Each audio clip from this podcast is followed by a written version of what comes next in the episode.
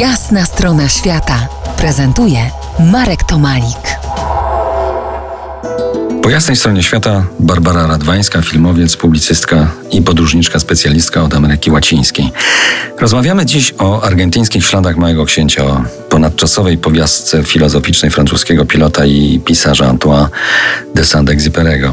Mówiliśmy o tym, skąd mogły być zaczerpnięte miejsca i krajobrazy opisane w książce, o argentyńskiej róży, Consueli, żonie pisarza. Teraz sięgnijmy po artefakty, które można odwiedzając Argentynę dotknąć. Samolot? Tak, pozostał tam samolot. Podobno to jest jedyny taki model na świecie, e, lat 25 z 1925 roku, który można obejrzeć niedaleko Buenos Aires e, w miasteczku Moron w Narodowym Muzeum Lotnictwa. Latał z prędkością niewielką jak na dzisiejsze samoloty, 174 maksymalna prędkość. Dziś jak mocniej docisnąć auto, to bez wznoszenia mamy taką prędkość, ale przypomnijmy, że rozmawiamy o pionierskich czasach awiacji, o latach 20. i 30. XX wieku. I ponoć wcześniej latał na modelu Laty 24, który nawet nie miał zamknięcia kabiny, więc latało się dosłownie z głową w chmurach. I podobno zawsze pisarz marz, marzył o lataniu, e, bo kiedy miał 12 lat po swoim pierwszym locie samolotem, zdecydował przerobić swój e, rower na samolot i dorobił mu skrzydła. Udało się? E, nie wiem, czy na nim gdzieś po, poleciał, ale jest taka legenda. Mały Książę ma swój pomnik w Argentynie. Gdzie go szukać?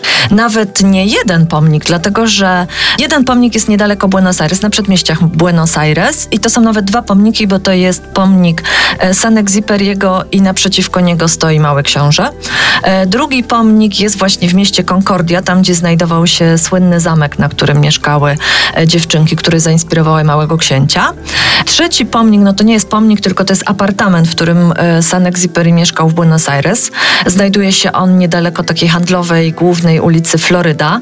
I tam, nie wiem czy wiesz, e, San Exiperi trzymał w łazience fokę. Ta foka podróżowała z nim samolotem. E, tak, dlatego że on ją właśnie e, znalazł i jakby zaadoptował, przelatując nad półwyspem Valdes. I w związku z tym, że się na początku czuł bardzo samotny, zanim poznał swoją przyszłą żonę, bardzo samotny w Buenos Aires, to po prostu wziął sobie fokę do towarzystwa. Tylko sąsiedzi podobno bardzo się skarżyli na odór dochodzący z mieszkania.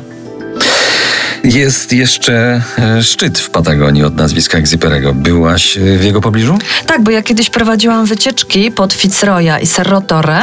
A to tam? Tak, tak. I to jest tam właśnie bardzo niedaleko, zaraz koło Fitzroya jest szczyt Exiperi i niedaleko leżą też dwa szczyty od dwóch jego najlepszych przyjaciół, przyjaciół Mermoza i y, Giameta, których właśnie uwiecznił w książkach Nocny Lot i Ziemia Planeta Ludzi. Także wszyscy obok siebie jakby stoją. Jak żywa jest pamięć po słynnym francuskim lotniku pisarzu w Argentynie? Rozmawia się o nim, ludzie czytają Małego Księcia. Tak, Mały Książę jest bardzo popularny w Argentynie, nazywa się tam El Principito. No i jak widać, są pomniki, y, coraz więcej powstaje o nim książek i filmów. Już wspomniałam poprzednie książki Nikolasa Herzoga i film y, tego samego autora. A teraz niedawno powstała książka prawnika i dziennikarza Alvaro Abos o właśnie o tym 16-miesięcznym pobycie pisarza w Argentynie. Za kilkanaście minut wrócimy do tematu, porozmawiamy o ostatnim locie Egziperego, o towarzyszach jego podniebnych podróży. Zostańcie z nami po jasnej stronie świata. To jest jasna strona świata w RMS Classic.